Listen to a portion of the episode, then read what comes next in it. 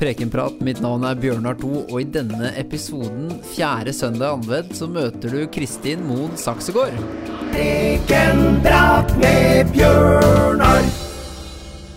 Ja, jeg kan jo begynne med å si at eh, her på Sjømannskirken på Gran Canaria, her er det litt eh, annerledes klimatisk selvfølgelig enn på Hønefoss, så eh, når vi har med oss Kristin på telefon, så slipper vi å ta med oss kulda.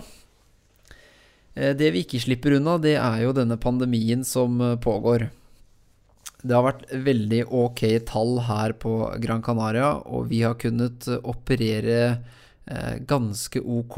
Vi har hatt gudstjenester, vi har hatt åpningstid og møtepunkter for nordmenn her nede. Nå forrige uke sendte Kanariøyenes regjering ut nye retningslinjer. Da ble vi nødt til å endre litt på julens program, så jeg tenkte kanskje jeg skulle si litt om det. Eh, Julens program var jo allerede litt uh, annerledes. Vi la opp til en mer sånn kafédrift for å ikke ha folk liksom sittende uh, inne i det samme lo lokalet altfor lenge, og ja, uh, vi kunne jo ikke ha program sånn som vanlig. Men nå har regjeringen da her nede tematisert dette med religiøse samlinger spesielt. Og rådet er helt klart. Rådet er å, hvis mulig, flytte slike samlinger over til digitale former. Og det er et råd, så det er ikke et krav eller påbud. Vi blir ikke bøtelagt hvis vi samler noen i kirka. Men vi velger likevel å følge det rådet og være lojale mot de retningslinjene som gis. Det virker som at i dette skrivet og nye bestemmelsene så tar man litt ekstra høyde for at uh, smittetrykket og økningen kan skje nå som det er avvikling av eh, julehøytid. Og det applauderer vi jo. Eh, Det er kjempestrevsomt å forholde seg til for alle sammen. Det er ikke noe hyggelig å minske kontakten med andre og ja, rett og slett ikke få være sammen. Men her nede nå, så helt konkret, så er det i private sammenhenger så er det seks personer maks som kan samles, med mindre man bor under samme tak. Og man stenger ikke restaurantene, og heller ikke kafeen, og heller ikke da eh, leseværelset vårt. Men man må sitte med eh, to meters avstand mellom bordene, maks seks stykker på bordene, og man må bruke munnbind utenom inntak av mat og drikke. Så det er jo ikke noe tvil om at eh, det er eh, spesielle ting på gang. Og denne perioden nå gjelder fram til 10. januar. Så dere som eventuelt eh, er på vei nedover, dere kommer jo til å ikke kjenne igjen egentlig stedet her, og heller ikke kirka, sånn utenom det geografiske og klimatiske og sånn. Det er veldig få folk her, og vi er på en måte oppfordra til å holde avstand, begrense kontakten med andre. Eh, ja, det er snakk om å møte maks en annen familie eh, og gjøre de forhåndsregler man kan for å holde smitten så lav som overhodet mulig. Så får vi bare se, håpe og ja, be om at eh, denne vaksinen eh, kommer ut til så mange som mulig, og at vi kan begynne å være sammen flere på steder, sånn som Sjømannskirken eh, og kafeer og barer og slike ting. Men over til dagens eh, episode. Det er jo litt eh, gøy å lage denne podkasten, syns vi, og jeg håper at det gir noe til dere som lytter på. Det er på en måte noe som er veldig avstandsvennlig, så dette fortsetter vi bare med helt til vi kan gjøre noen av de tingene vi pleier normalt å gjøre her nede. Fjerde søndag i advent så er fokuset litt på denne Maria som skal bli med barn. Og tenk dere noe så spesielt eh, å eh, bli med barn. Og jeg tror at eh, det å møte andre i lignende situasjoner i livet, det kan gi en ekstra dimensjon til ting. Enten det er om du er gravid, skal vente barn, om du opplever sorg, tap, eh, eller hva enn det skal være, for den saks skyld, å snakke med noen om hvordan det går å ikke møte folk eh, i denne pandemien. Eh, Maria møter Elisabeth, som også er med barn, og de deler litt av livet sammen. Så vi får høre litt i praten som jeg og Daniel har med Kristin. Kjempeinteressant å snakke med Kristin, som er professor. Altså, hun er Fagområdet hennes er Gammeltestamentet og har skrevet doktoravhandling i Ruths bok. Og veldig spennende å høre litt fra henne. Hun har også jobbet på Menighetsfakultetet og undervist på ungdom, kultur og tro. Så da tror jeg vi bare hopper inn i dagens tema, leser dagens tekst, og så får dere høre praten jeg og Daniel har med Kristin. Det står skrevet i evangeliet etter Lukas. Maria dro av sted og skyndte seg opp i fjellbygdene til den byen i Juda hvor Zakaria bodde. Der gikk hun inn til Elisabeth og hilste på henne. Da Elisabeth hørte Marias hilsen, sparket barnet i magen hennes. Hun ble fylt av Den hellige ånd og ropte høyt. Velsignet er du blant kvinner, og velsignet er frukten i ditt mors liv. Men hvordan kan det skje at min Herres mor kommer til meg? For da lyden av din hilsen nådde øret mitt, sparket barnet i magen min av fryd. Og salig er hun som trodde. For det som Herren har sagt henne, skal gå i oppfyllelse. Slik lyder det hellige evangelium.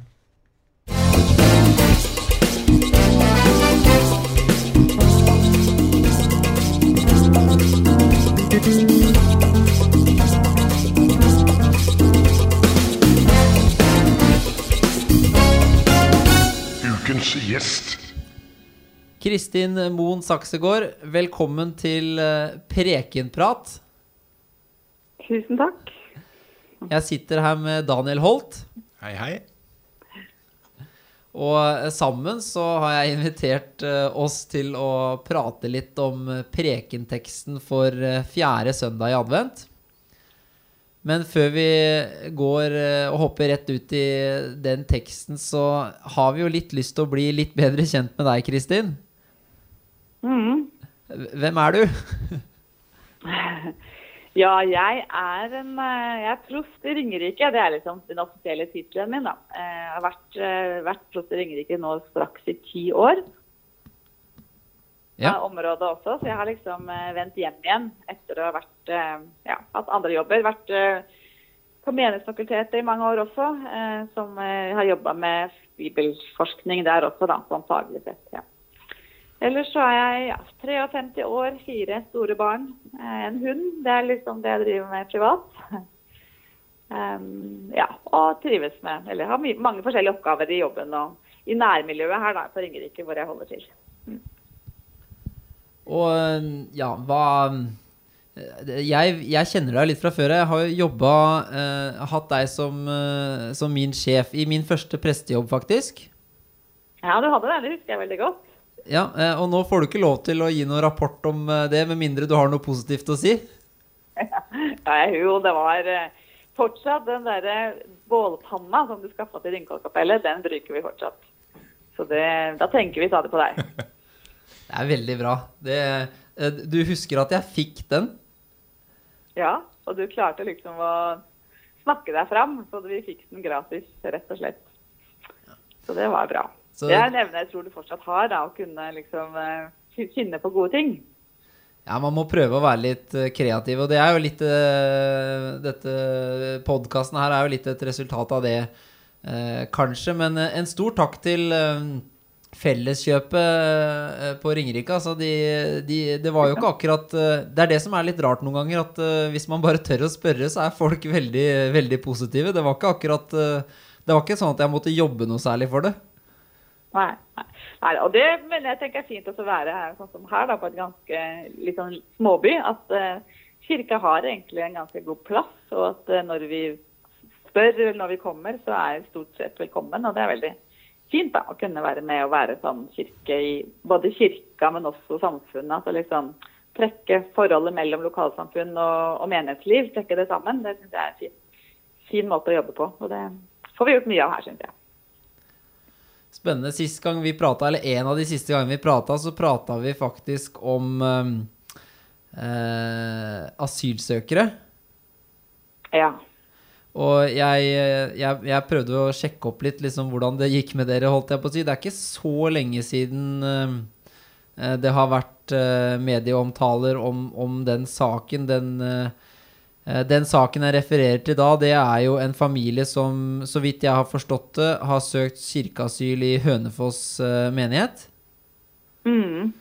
De, det er en familie fra Afghanistan som, som kom til Norge for snart fem år siden og som først var på Vestlandet og var litt i kirkeasyl der. Og så kom de til oss i Hønefoss for nå um, Ja, det er altså i 18, Det er to og et halvt år siden de kom. Ja. Så de har vært, vært, hos oss da, og i påvente av en dom som skulle felles da i lagmannsretten. Så det gikk over to år før den, eh, den ble avklart, da, eh, den dommen der. Og nå anker de til Høyesterett. Så det, det, har vært en lang prosess og en eh, krevende prosess på mange måter i forhold til å skulle finne ressurser og bistand og finne ut av liksom, hva er rettigheter eh, for, for, asylanter, og hvordan forholder vi oss til da, det store, tunge systemet da, som staten er i forhold til å skulle, skulle hjelpe til. Da. Så det har tatt mye tid og vært krevende og engasjerende. Men, men hvordan, altså Eh, du trenger ikke nødvendigvis å si altfor mye om det, men, men, hvordan går det med de, holdt jeg på å si? Altså, hva, hvordan um, jeg, jeg, så noen bilder av et på en måte Det virker som om de på en måte deltar i menighetsliv og Altså, de er en, de er en brikke for menigheten mer enn bare en sak, liksom? Eller de er på en måte engasjert, eller eh, er det riktig oppfatning? Ja, absolutt. De har jo vært og har jo måttet gjort seg selv til liksom vaktmestere på huset, og er med, og også med i det vanlige menighetslivet. Da. Og de har nå fire små barn. Yngste er født for en måned siden. Oi. Men er med i, ja, i dagliglivet, eller det som er da av liksom, barneaktiviteter. Og, så de er med i menigheten, sånn som småbarnsfamilier er. Eh, eller en ivrig småbarnsfamilie er. ja. Og også hjelper til veldig mye. da. Så de, mange, de har jo fått et stort nettverk her på Ringerike og Hønefoss. Eh, så det er absolutt en, eh, en familie som bidrar. Så det blir jo så det er en sånn, ja, mange gode nettverk, og så er det jo mye sånn å reflektere rundt forhold til det å ha kirkeasylanter. Og ja, jeg får jo en del spørsmål å håndtere til forhold til om det er hvordan man kan hjelpe de best mulig, men også hvordan man da kjenner står i skvisen da, mellom denne familien og systemet som vi har i Norge for, å, for det nåløyet der da, å få opphold, som, eh, som, vi også bruker tid på. Så det er liksom både, både de relasjonelle tingene, som er gode, mange gode opplevelser. Og så er det det å stå og skulle kjempe mot for en sak, da, som er utfordringen. Så det blir to, to måter å, å, se det på. Mm. Men de, de, søker om oppholdstillatelse i Norge på bakgrunn av en konverteringsgrunnlag, eller hva er, hva er på en måte de, Ja, de kom til Norge pga. asyl, altså for å søke asyl fordi røm, hun rømmer fra tvangsekteskap. Og så har de blitt kristne etter at de kom til Norge, og så, så nå så søker de også eh, pga. det. da. Eh, og nå har barna bodd i Norge i over fire og et halvt år, og, da, og to av de går på skole, så da søker, søker, de også på eget grunnlag. For det, det har, måtte, har, barn rett til å gjøre. Eh, men det er både det at de har rømt fra Afghanistan da, og rømt fra familien, og at de er kristne, som er hoved, hovedgrunnlagene mm. opprinnelig. Mm. Så Det er jo to alvorlige saker som alle er enige at hvis, de, hvis det er sant det de sier, og blir sendt tilbake, så er det jo livsfare. Men, men det er troverdighetsspørsmålet som det går på. da. Fordi Vi tar imot konversister i Norge, men det er et veldig strengt nåløye å måtte vurdere konvertering. og det, er det Høyesterett vi skal gå til Høyesterett med. fordi at jeg som var vitne i rettssaken, jeg blir ikke trodd da, fordi jeg er ja, jeg står for nært saken og jeg har et livssyn som gjør at jeg tenker annerledes. Da står det i dommen i forhold til at jeg vurderer annerledes. og at det må, det må man da ikke uten videre eh, ta til etterretning. Så det, så det blir en sånn diskusjon om hvorvidt prester kan vitne for, for, konvertering eller ikke. Og det, og det skal nå også Den norske kirke være med på og, og følge saken som, som partsvitne, som det heter. da, Fordi at de mener at Kirken ikke Vi blir ikke hørt da i konverteringsspørsmål. hvem skal da bestemme hvem som har konvertert og ikke? Hvem skal bestemme eh, Hvem skal kunne vurdere tro når ikke Kirken selv kan gjøre det? Mm, så det er blitt en sånn prinsippsak ut av det her, da, som jo er ganske viktig for, for alle som søker eh, asyl pga. konvertering. Det var litt uh, interessant å høre. Du vet jo at jeg var involvert i en sak uh, i Tønsberg, og jeg, um, jeg, ja. var, jeg, husker ikke helt om hva, hva, slags måte sånn rettsnivå jeg var på, men um, uh, sånn som jeg forsto det, så var jeg Jeg var inne som prest som en slags fagvitne. Ja, det kan det også være. Mm. Men, men, her sier du at det her på en måte og jeg, jeg, må ærlig innrømme at jeg opplevde at jeg bidro til opplysning og kunnskap, da. Men, eh, og, og den familien har faktisk fått eh, opphold, da. Ja, ja. Eh, nå vet jeg ikke om konverteringa var grunnlaget for det, men jeg vet at de nå har fått opphold, og de er, opphold, og de er tilbake i, i Vestfold etter mye fram og tilbake, da. Ja. Nei, det er blitt en sånn prinsipiell diskusjon, og, og dommen her var todelt. Eh, hvor da flertallet sier at man ikke kan høre på prestene, mens mindretallet sier at det er prestene som, må, som har best kompetanse da, på disse her.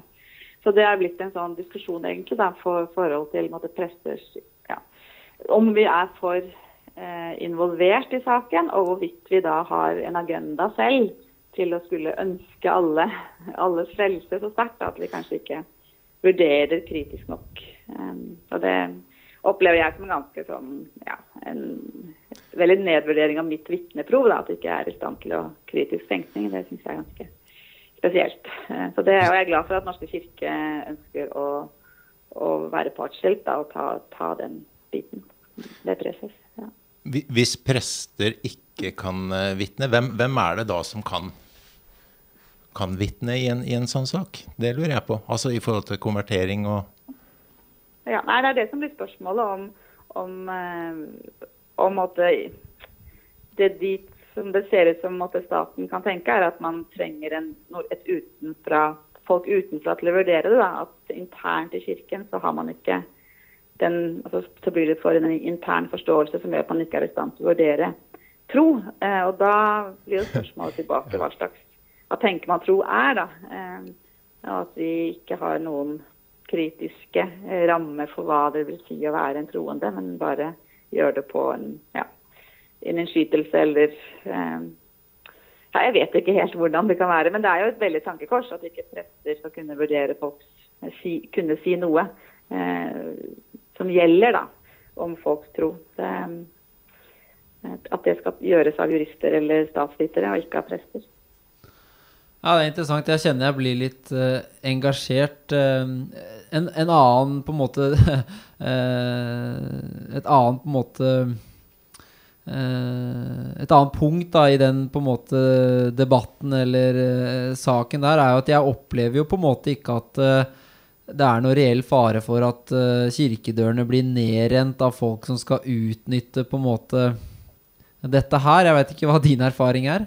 Nei. Jeg har hatt, jeg husker Vi har jo hatt et transittmottak her i Hønefoss. og Det har vært gjennom årene jeg har vært her, en og annen som har kommet og, og ville bli døpt. Eh, og Da har jeg sagt at må, det kan vi gjøre, men da må vi ha noen samtaler. og, og du må gå litt i gudstjeneste. Altså, så må vi måtte ha en, ha en vei fram til dåp. Da. Men da har, jo, og da har det vært en og annen som har gjort det, mens, mens de fleste da har måtte, ikke kommet igjen. Så det er, jo, det er jo alltid noen som prøver seg. Men jeg tenker at vi har jo et system som som sikrer at det ikke bare er for å få en inngangsbillett til, til, opphold, men som faktisk mener det. Eh, det men de rennes ikke ned, og det er helt riktig der. Jeg kan telle de eksemplene på hvert fall ikke mer enn to hender da, i løpet av ti år. Så det har ikke vært noe stort tema. Men, eh, men, det er klart man må gjøre noen vurderinger, men de tenker jeg at eh, vi, ja, vi ønsker jo altså, sanne konvertitter. Og vi ønsker jo ikke å liksom bare ja, vi, vi, er ikke ukritiske. Og det, og det, er litt rart da, å bli satt i en posisjon hvor man plutselig blir satt for å være så naiv at det, eh, at det, ikke, at det går på faget løs, egentlig. Mm. Men det håper jeg virkelig at, vi ikke har, at ikke er, saken ikke er ferdig ennå. Jeg håper at Høyesterett tar det opp igjen, sånn at det kan bli en ordentlig diskusjon rundt det her.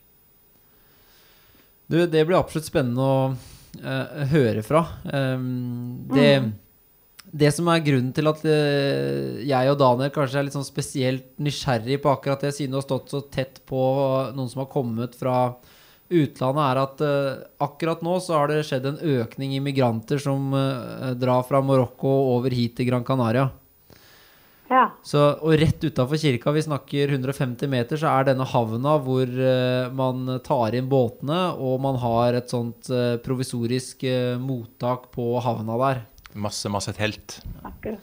Og nå, eh, nå tror jeg de har telt eh, over 800 eh, flyktninger som bor på den kaia rett over her. Så det er her for oss eh, som er på sjømannskirke på Gran Canaria, så er det daglig at eh, det kommer Guardia Civil, altså politiet, mm, eller annen type redningstjeneste som tar inn båter og tar imot flyktninger som, eh, som kommer hit. Da. Og vi blir på en måte det blir på en måte noe som er veldig i dagen uh, for oss her sånn. Mennesker som på en måte av uh, alle mulige grunner uh, havner andre steder enn der de er fra.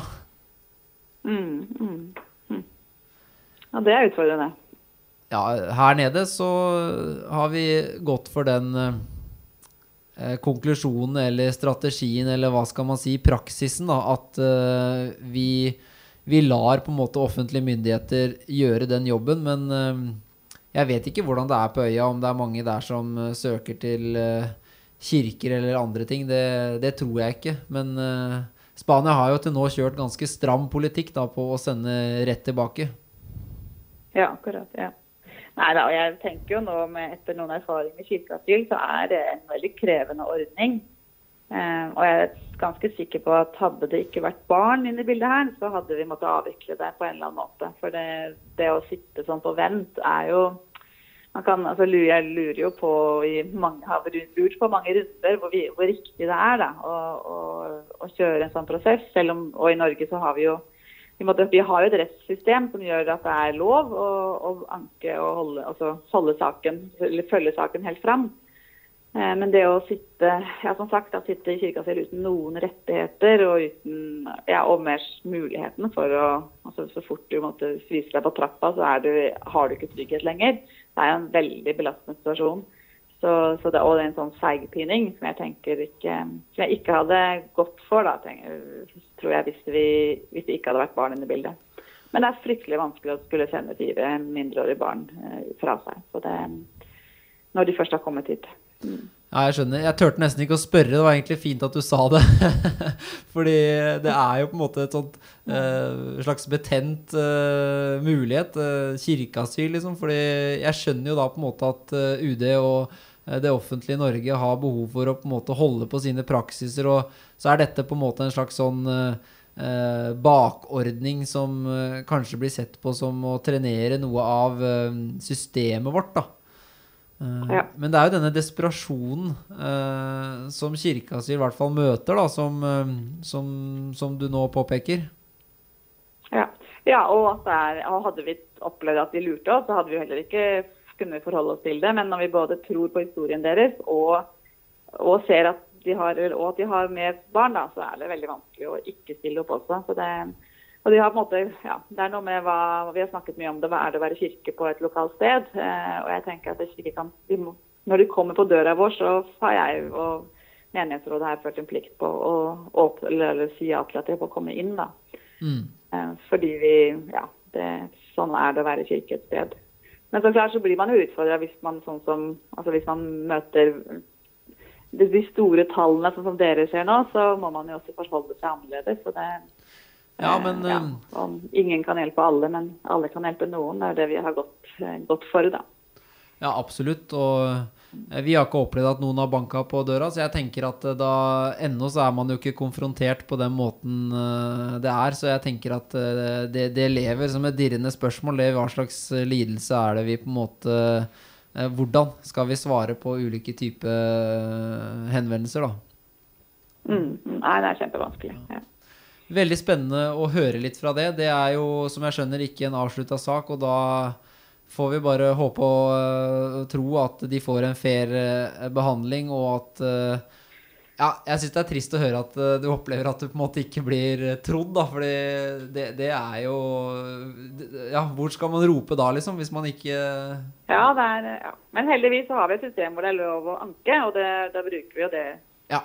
det systemet. Så det er jo det er vi har jo måte et rettssystem i Norge som, som gir oss muligheter, da, selv om vi ikke når gjennom sånn i første runde, i hvert fall. Og så får vi håpe at denne saken er altså Den er jo større enn bare den ene familiens sak. Så hvis Ja, nettopp det. vinner gjennom, så vil du kunne lage president for, for andre eh, konvertitter også i Norge. Ja, og da blir det med en gang litt viktig også. Det, det, er bra dere, det er bra du tar den, altså. Ja. Jo, takk for det. Det, er, det, det føles viktig også. Det oppleves som det. Mm. Ja. Nå eh, sitter vi jo på en måte Nå er det jo fortsatt ganske lenge til jul og fjerde søndag i advent, fordi vi spiller inn dette her eh, i forkant, men vi har gitt deg eh, fjerde søndag i advent. Jeg hadde jo noen eh, baktanker med å utfordre nettopp deg på fjerde søndag i advent, da. Men eh, de kan jeg jo avsløre litt sånn etter hvert. Men det kan jo hende at du har, eh, at du har mistenkt, mistenkt det. Men, men men uh, fjerde søndag i advent den ble lest av uh, Jenny, som er ni år her på kirka, så den teksten har allerede lytterne hørt. ja, korrekt. Og eh, jeg er litt spent på hva på en måte dine uh, ja, første refleksjoner eller tanker eller assosiasjoner er i møte med, med en sånn tekst. Ja. Jeg ble jo selvfølgelig nysgjerrig på hvilke baktanker du har, men det skal jeg vente med. da. Men jeg, det jeg opp, sånn umiddelbart, eh, jeg, når jeg leser teksten og, og fikk den tilbake igjen nå, da, em, så opplever jeg den, altså det at em, disse små barna da, i magen som snakker sammen, syns jeg er en, eh, noe spennende å ta tak i. Em, at at det er så fysisk. At eh, både Elisabeth og Maria som gravide eh, altså Det veldig kroppslige tilstedeværelsen da, av, av, Gud, av Gud selv. Eh, og at eh, de små barna som ikke har språk, og som ikke, ja, som ikke har sett dagens lys engang, da, eh, at, at de kommuniserer sammen, og at Gud altså, ja, at den lille Johannes da, som skal bli født, måtte, kan reagere på, på Gud. Eh, som er en sånn ja, tenker jeg sånn Gud i det aller minste, og i hvert liksom alt der det er liv, da, der er Gud. Det er en sånn den første, min første sånn assosiasjon. Veldig konkret, veldig sånn direkte. Uh, ja. Ja, men Det overrasker meg ikke at uh, du er uh, konkret. En av disse baktankene jeg hadde, handla litt om det at jeg er mann og at du er kvinne, og at jeg skal slite litt med å kjenne på den erfaringen å ha barn i magen.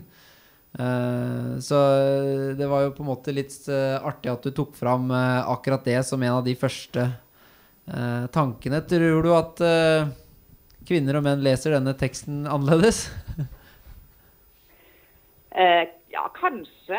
Eh, det er vel tradisjon for også at eh, mye av hvert sånn før at kvinnen, altså kvinners teologi har vært mer eh, relasjonell og mer konkret, mens eh, mange av de store dogmatikerne har vært menn da, som har måttet ha skrevet liksom, ja, bruker de mer teoretiske begrepene på Gud og, og jobber med liksom, å finne ut de teologiske nyansene. Eh, mens dette er jo opplever veldig sånn erfaringsteologi som jeg kan kjenne meg igjen i. og som jeg Eh, Og litt sånn, Jeg har jo vært forsker i noen år i Gamletestamentet og merker jo at det jeg sitter igjen med, er egentlig de mer sånn ja, Jo enklere, jo mer konkret, jo mer man trekker det nær livet, jo mer levende blir troen. Em, så, jeg, så jeg har gått sånn Ja. Jeg er akademiker fortsatt, og det tenker jeg man skal, man skal være stolt av. At man kan, sine, liksom, kan noen grep. Men at det man kjenner altså Det å stole på da, den, liksom mer den konkrete lesningen av en tekst, eller den konkrete erfaringen man får, at det tror jeg altså, ja, veldig viktig. Og det er det det handler om. Ikke det å finne de glupe svarene, men å kjenne at her kjenner jeg meg igjen, eller her er det noe berøring med livet mitt. Det handler om at det Og det Nei, jeg veit ikke om kvinner er bedre på det enn menn, men denne teksten er i hvert fall en sånn tekst da, som viser oss at, eh, at eh, tro er og Gud er konkret. Og da bruker man damer for å vise det, i hvert fall. Eh, Det er jo sånn at det er kvinners liv som klarer å illustrere det, kanskje. Jeg vet ikke. Jeg vet ikke Ja. hva du tenker om det? Nei, jeg, jeg, er ikke helt sikker. Men det jeg ble nysgjerrig på nå, var jo dette med erfaringsteologi. Kan du si litt mer om på en måte den er, er, det riktig å si at det er litt mer oppe i dagen, eller, eller, jeg vet ikke hvordan jeg skal si det, men kan ikke du uh, si litt mer om akkurat det? For det Ja, vi har snakka litt i podkasten om dette her med teorier som svever i hodene våre, og, og, samtidig også praksiser. Og en sånn uh, Ja, hva, hva, hva, vil du si erfaringsteologi dreier seg egentlig om, da? Ja, ja. Nei, ja, for det er jo i hvert fall det som er oppe i dagen, er jo mer sånn som du sa, det med forhold mellom teori og det vi kaller for praksiser, som jo er et teoretisk ord for så vidt. da. Men det at man når man lærer oss, Det kan jeg jo merke sjøl da jeg hadde småbarn, det at jeg tok det med til Eh, til gudstjeneste og lærte de å gjøre ting. Eller gikk på, altså sånn, lærte de kristne barnesanger. Eh, når man øver opp barn som ikke har noe sånn ja, ikke har noe språk eller ikke noe sånn teoretisk forventning heller, men hjelper dem til å tenne lys og be en bønn, så lærer jo barna praksisen først, før de kan fylle den innhold. Eh, og i hvert fall Da mine barn var små, så var de alltid med i gudstjeneste. Og da kunne de jo all liturgi, og de lærte seg mye. Eh, som, som, jeg tenker blir, sånn, som blir en del av oss. da.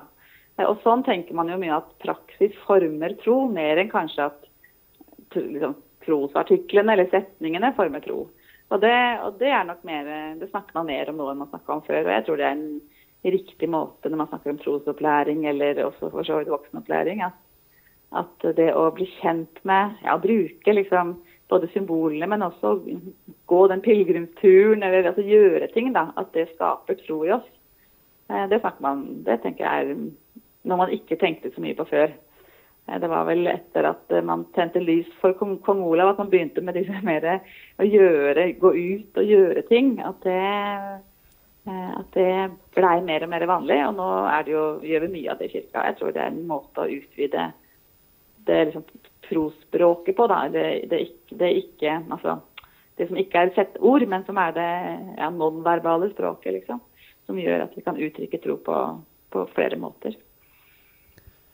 Ja, for det er jo ganske annerledes å på en måte ha ting du gjør som på en måte setter seg litt i kroppen, eh, kontra det å på en måte eh, lese seg til eller tenke ut et eller annet eh, svar. Det er jo veldig forskjellige ting eller øvelser å gjøre, egentlig.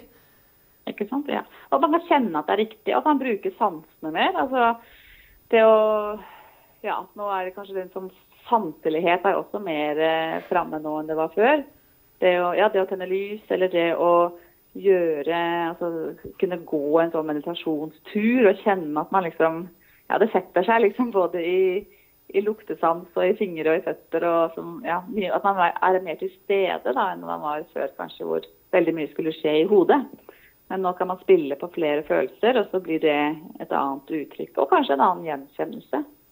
Eh, jeg husker, jeg var forhold til teksten her, jeg kom på, jeg husker jo da jeg første gang når jeg, ble, altså når jeg ble mor, så tenkte jeg plutselig at uh, det er en voldsom erfaring, og det kan jo alle som er blitt foreldre kan oppleve. Men det å tenke litt annerledes plutselig om hva, hva vil det si at Gud er far, altså vår far, eller at Gud er foreldre, da. At da blir jo min erfaring, kan jeg plutselig forstå liksom få en annen forståelse av, av, det jeg har lært før. Og det tror jeg hvis man, Når man opplever ting, og tar de opplevelsene på alvor, eh, kan være med på å forstå hva tro er også, og, hvem, og, ja, og gudsbilder eller eh, ulike erfaringer, Guds, Guds eh, ja, trosetninger om Gud. Der kan man også lære det at man opplever noe som ligner på det, og så kan man forstå mer andre vei. Mens før det så blir kanskje veldig mye av det vi sier om Gud er kjærlighet, Gud er far, Gud er sånn og sånn. Altså blir det setninger til vi måtte ha erfart det sjøl, og så kan vi forstå det på en annen måte. Det, og sånn blir man forhåpentligvis da litt klokere etter hvert som man erfarer forskjellige ting. Både av gode ting, men også av vanskelige ting. At det gir et større språk og større sånn rom for å forstå troen sin også. Er det kanskje lettere å da få snakka inn i menneskers liv, også med den, den vinklingen? Ja, ikke sant. At da, jeg tenker at Hvis ikke troen skal handle om livet hvis da, eh, at, det, at det, Hvis tro må ikke være et annet rom, men det er jo nettopp at det at nå sant, her i teksten vår da, så handler det om at Jesus er et foster. At det er veldig, veldig konkret og er en del av, av disse kvinnenes liv. Eh, og da må ikke vi gjøre det til noe annet enn å se at, eh, At måtte Gud kommer midt i vår virkelighet. Det, og sånn kan også våre erfaringer bli, bli en del av Guds virkelighet. En verdi for eh, min del er jo at liksom at en del eh, dogmer, læresetninger, eh, kan på en måte bli helt irrelevant hvis eh, det er erfart. Altså jeg mener motsatt sagt, da. Hvis man har noen læresetninger, f.eks. Gud er kjærlighet, da.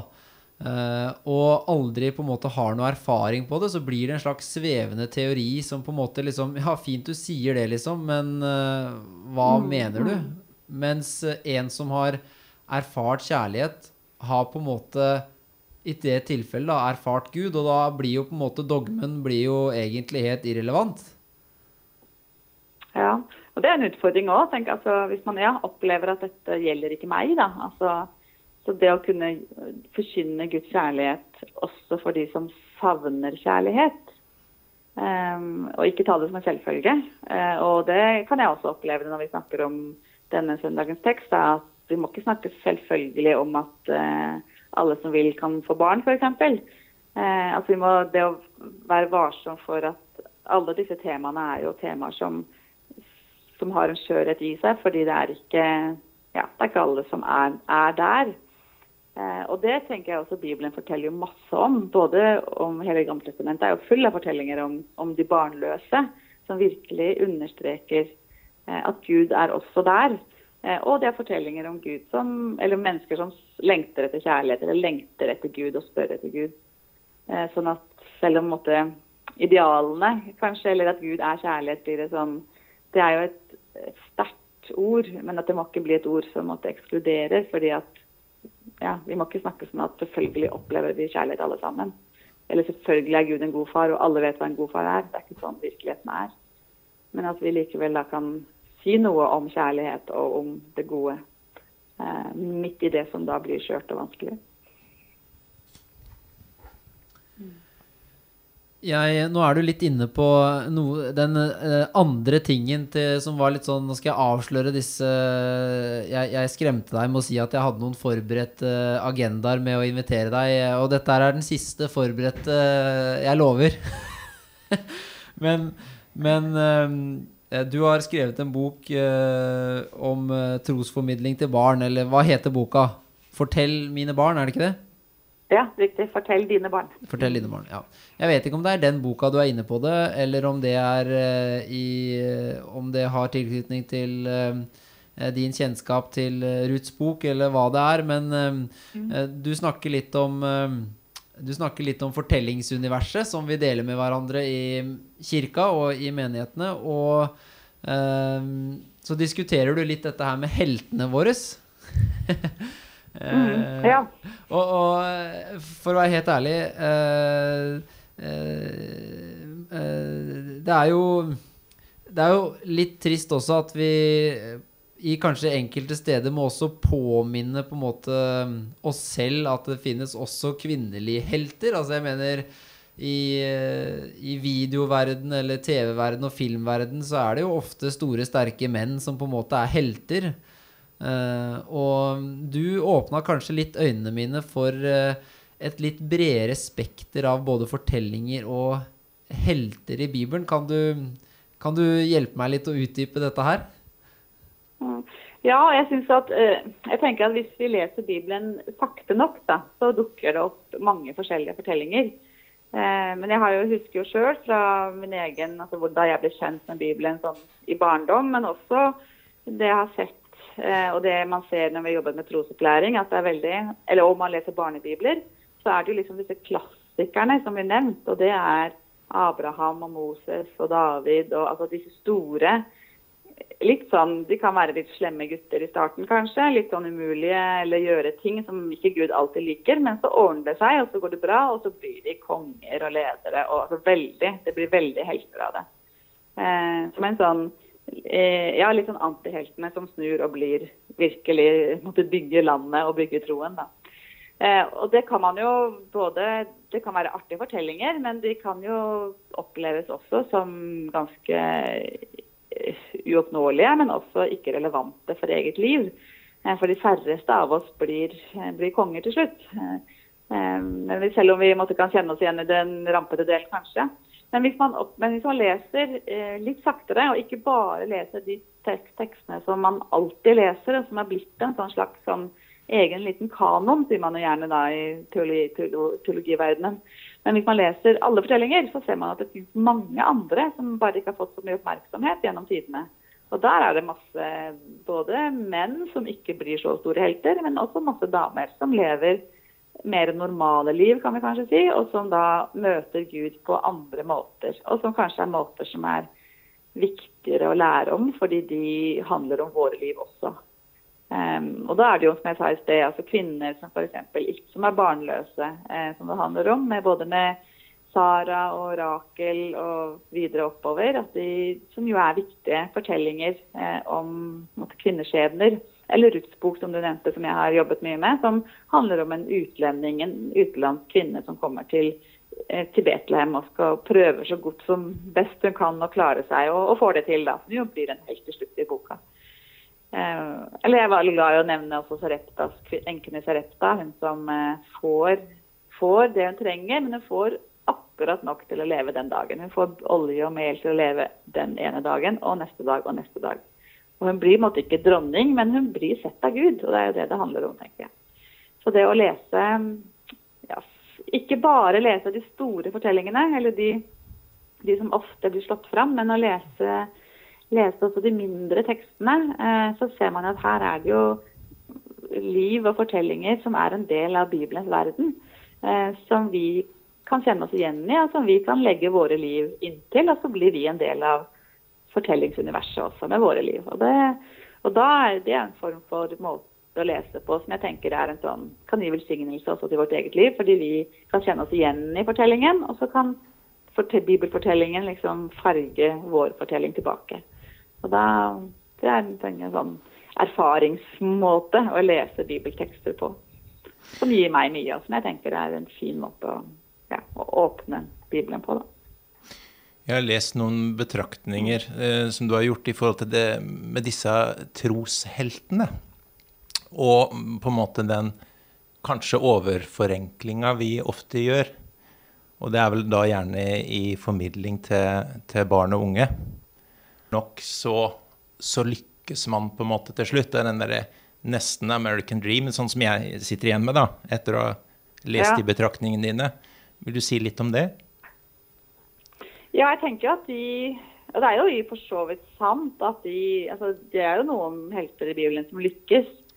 Men, eh, men sånn som Moses, eksempel, han får jo ikke, kommer jo ikke selv til det lovede land. Han må jo stå på andre siden av altså på et fjell og se utover. Han kommer ikke helt fram, liksom. Eh, Og det vet man ikke. Jeg vet ikke om det er det barnebiblene forteller så mye om. Eh, Men at det er en sånn eh, Men det er klart, det er, det er noen helter der, det er ikke det. Og de skal få lov til å stå der, men de er ikke det, det er ikke det eneste som står i Bibelen. Det er egentlig langt mellom hver helt. Ja. Det er mange hundre år mellom hver helt. Og det er mange fortellinger om folk som lever mye mer vanlige liv, og som ikke lykkes så mye, men som, hvor Gud er med dem likevel. Eh, og at vi må ikke lære barn å tro at hvis du tror på Gud, så skal du få alt du vil, eller alt skal gå bra, du skal ikke, ingenting skal skje deg. Eh, for det sier ikke Bibelen. Bibelen sier at eh, om du går gjennom dødsskyggens dal, er Gud med deg. Eh, Det, ikke, det betyr ikke at vi skal skjermes for livet, men det betyr at Gud er med oss i livet. Og det, og det er ikke å lese det er ikke å, Jeg husker jeg fikk en gang fikk kjeft, eller jeg fikk liksom, noen sa at jeg ville ha Noas ark ut av Bibelen. Og det tenker jeg det blir helt feil. Det har jo ikke noe med å skulle bestemme. Men å si at fortelling om noe er ikke det eneste vi skal fortelle barn. Eh, og, og, og ikke det viktigste heller. Fordi eh, ja, eh, men at det, fordi det handler om å finne de fortellingene som sier at Gud er med oss alle dager. Eh, også altså både når vi har en god dag, men også de dagene virkelig hvor vi ikke lykkes. Og det er det mange eksempler på. En, en eh, annen ting som jeg bare må eh, ta siden vi har den gleden av å ha deg her. Du nevnte det med Eller jeg nevnte det med Ruths bok. Det er vel den Er det ikke den du har på en måte din eh, eh, grad fra? Din doktoravhandling?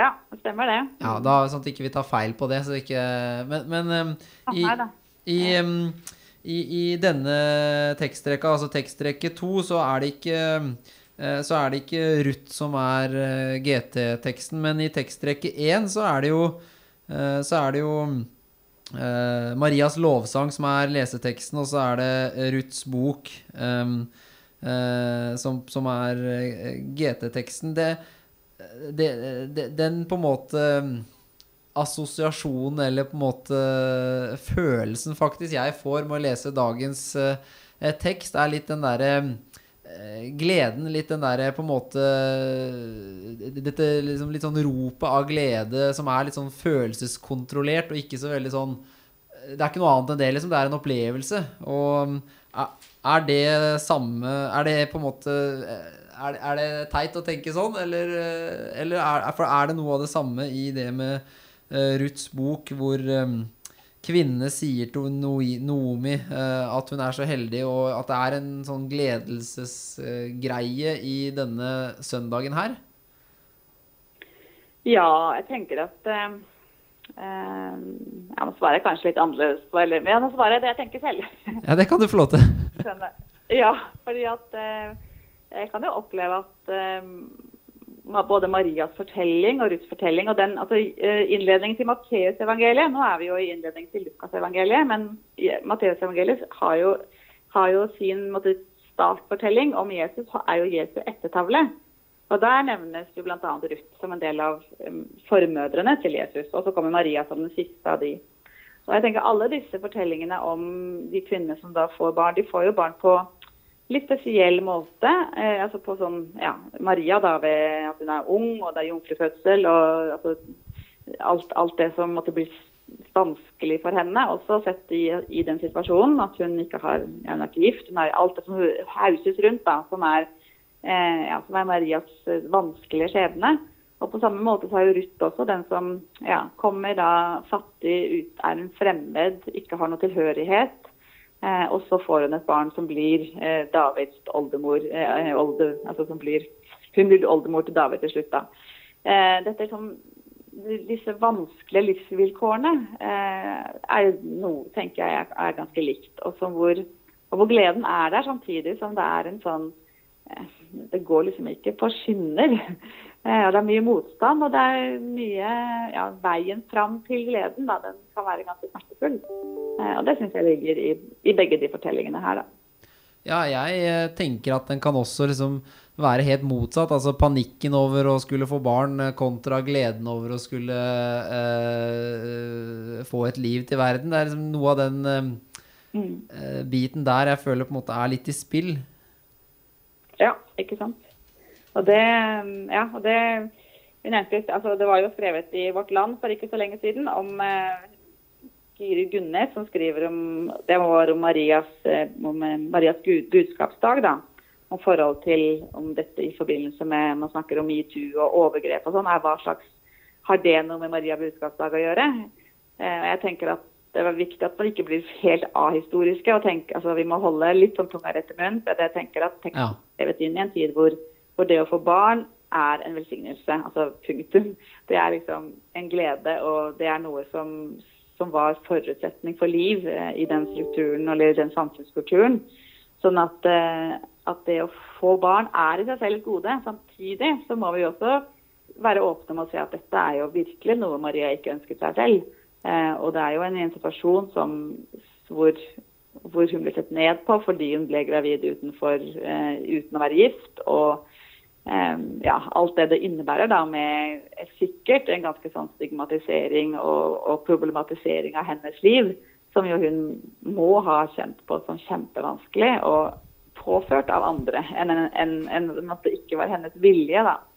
Ja.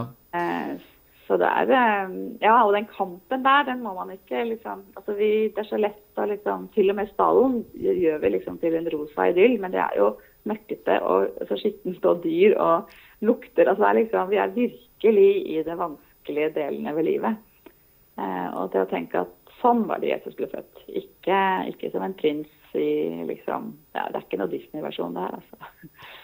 Nei, Hører jeg deg riktig da, hvis du på en måte tenker at man skal være ørlitt forsiktig med å på en måte ta våre aktuelle eh, Sånn som metoo, da, og, og, og, på en måte bare eh, som om det skulle vært en profetisk uh, tekst, på en måte, som snakker om uh, samfunnstrekk som på en måte var helt fremmed, holdt jeg på å si, på Jesu tid? Jeg tenker at Hvis vi sier at, at hvis vi leser med våre moderne øyne bare, så kan vi jo si at da er både Bibelen kvinneundertrykkende, og den står opp for altså den er jo for slavearbeid. Den, gjør, den sier en del ting da, som vi ikke aksepterer i vår tid. Og det, og det kan vi godt si, men det, det, ligger der. Det er på en måte så opplever jeg liksom selvfølgelig, fordi at Bibelen tar ikke oppgjør mot med alle samfunnsordninger. Den, den, er en del av den samfunnet den blir skrevet inn i. og Derfor så, så er jeg jo enig i at, at, det er en mannsdominert kultur Bibelen er skrevet inn i, og at kvinner blir behandla dårlig av mennene.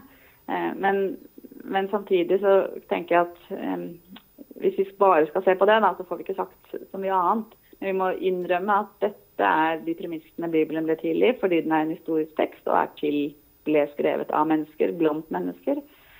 Eh, og så kunne, må vi måtte gå litt bak det og se hva, vil, hva, hva mer vil teksten si. Eh, så hvis vi, hvis vi, bare setter opp metoo-fareplakaten, så, så, kommer vi liksom ikke lenger. Eller da går vi kanskje glipp av det som var intensjonen til teksten. Um, så, men, jeg, men, samtidig det, tror jeg det er viktig å ha disse måte, blålysene på forhold til at vi når vi leser teksten, så kan vi oppleve at noen i salen, i kirkerommet eller i møte med teksten, vil få de assosiasjonene selv. Så at vi er oppmerksom på at disse tekstene her har noen markører i seg som gjør at vi, eh, vi kanskje spiller ut noen sånne provokasjoner eller minner da, til folk som hører det. Eh, så det må vi kunne romme hvis når det kommer. Men å si at denne teksten er en metoo-tekst og ferdig med det, det tenker jeg da, da har vi ikke gått godt nok inn i teksten og sett på hva, hva handler den egentlig om. Men, men, det er det vanskelige med Bibelen, da, at den har så mange sånne eh, Det er mye makt og ubalanse i bibeltekstene, fordi at det var det på den tiden da teksten ble skrevet. Mm. Og Derfor så vil vi ofte komme i berøring med det. Altså Barn også blir jo ikke behandla veldig bra i bibeltekster. De blir behandla som umyndige og de voksnes eiendom. De har ikke noe veldig sånn egenverdi før de blir voksne. Eh, og Det er noe vi liksom alltid må kjempe litt med. Men jeg tror ikke vi ja, vi må også forholde oss til liksom, at sånn det, var det på den tiden. da. Eller så blir vi stående der og bare krangle med de store tingene. Kanskje ta den tida det, og den kulturen det er skrevet inn i, på, på alvor? Mm. Men kanskje se på veien det peker? Nå hørte jeg deg litt dårlig, så kan du gjenta.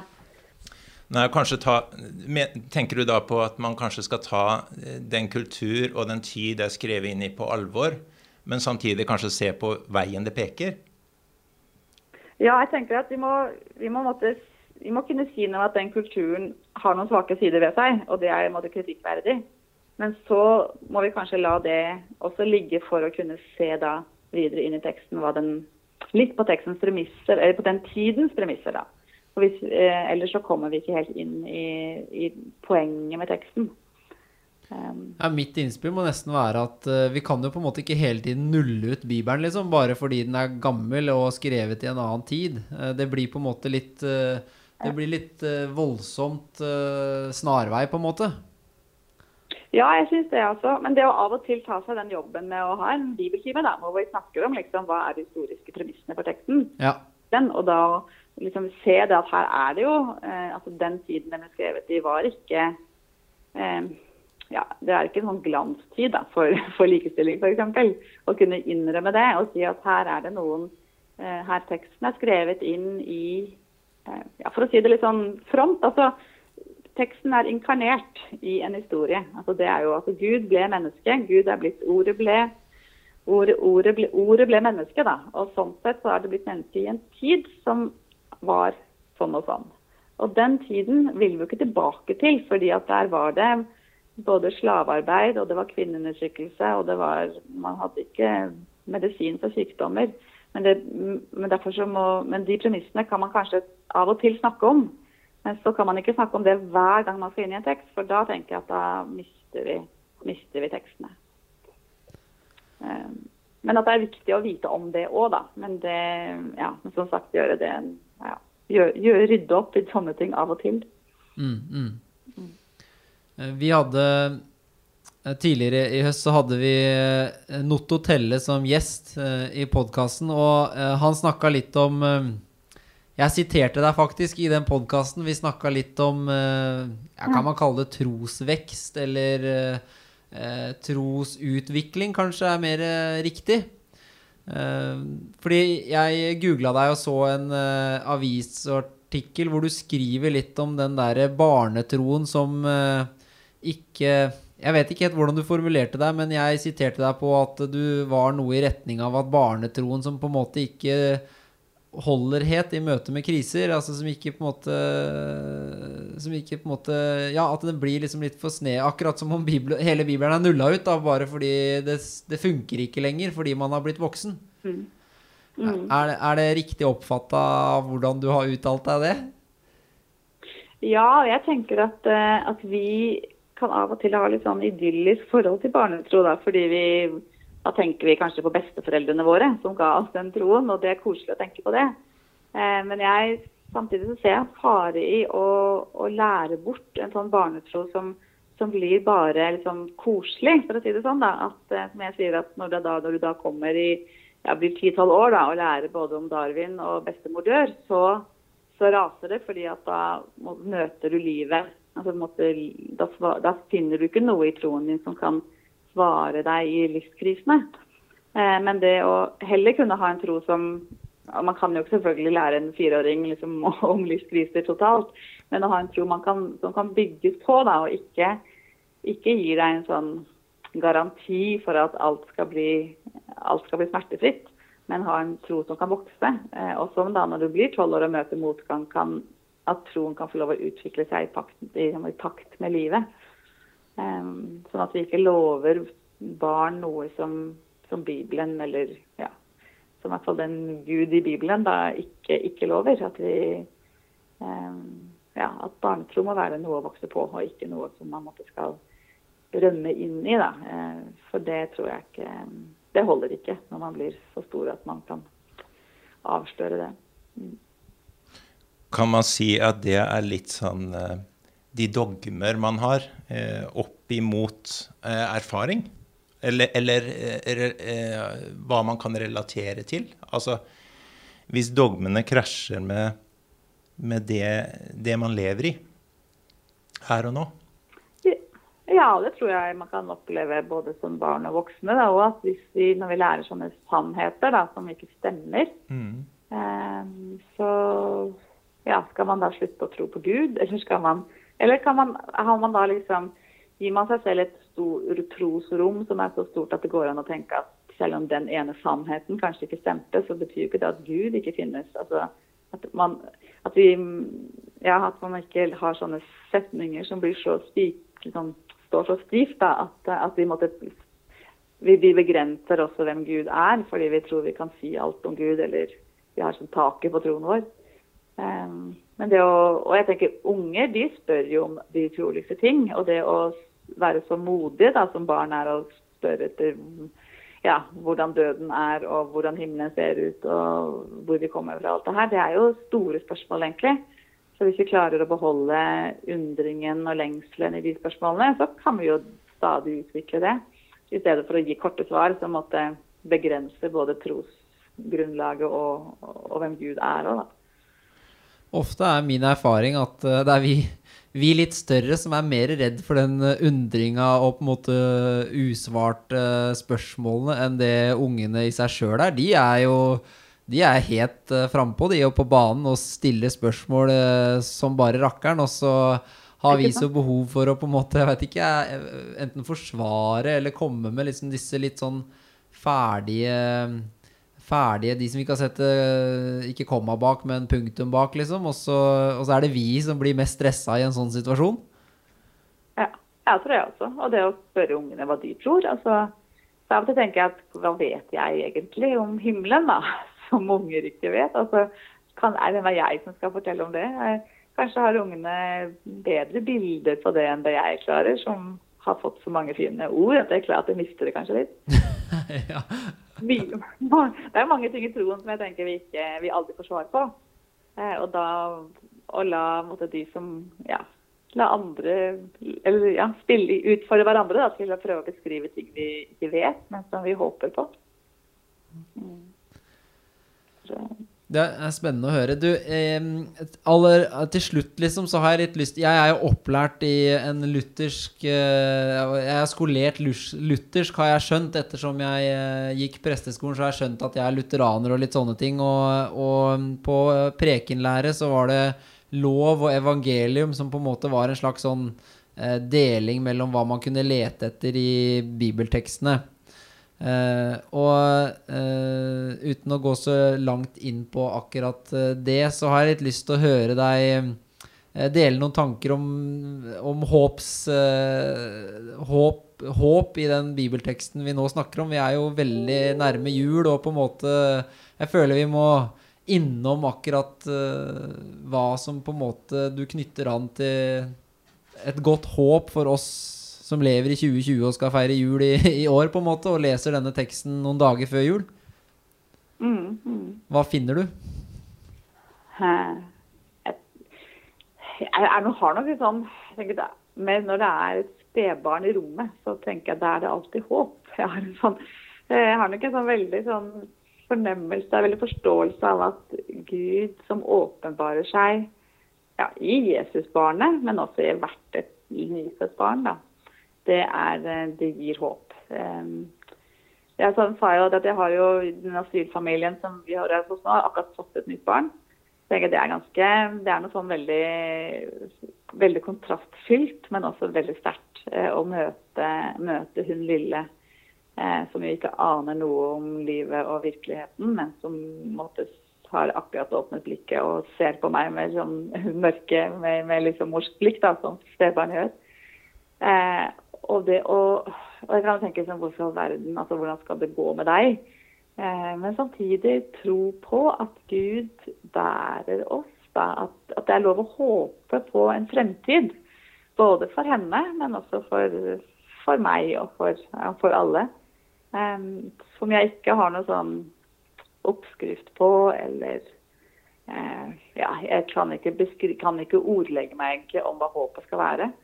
Eh, men at det likevel er fremtid og håp. Eh, og det tenker jeg det er det i hvert et barn som blir født, og det er det veldig for meg i julebudskapet. da. Om Jesus som blir født av en, denne unge, unge moren eh, i en fattig og vanskelig livssituasjon. Eh, det er noe sånn veldig, alltid noe veldig grensesprengende i, i julebudskapet, syns jeg. Jeg har lyst til at det blir eh, siste ordet i den praten her. Tusen takk, Kristin, for at du satte av tid og ja, åpna Bibelen med oss. Tusen takk. For at jeg fikk være med. Mm, hyggelig. Da var vi ved veis ende også i denne episoden. Det er veldig hyggelig at eh, du rytter. Vi kommer til å fortsette med dette her, vi. Så nå har vi planleggingsmøte for eh, vinteren, og vi prøver å få invitert noen spennende navn også til det som kommer. Vi må jo holde litt ut i dette her, og det fortsetter jo litt med at vi ikke kan møtes. Så vi fortsetter med podkasten, og så får vi se hva det blir til. Kanskje vi får til også noe sånt dere ser oss, men eh, det får vi bare se på. Det er uansett eh, koselig å ha dere med. Vi høres. Tek en prat med Bjørnar.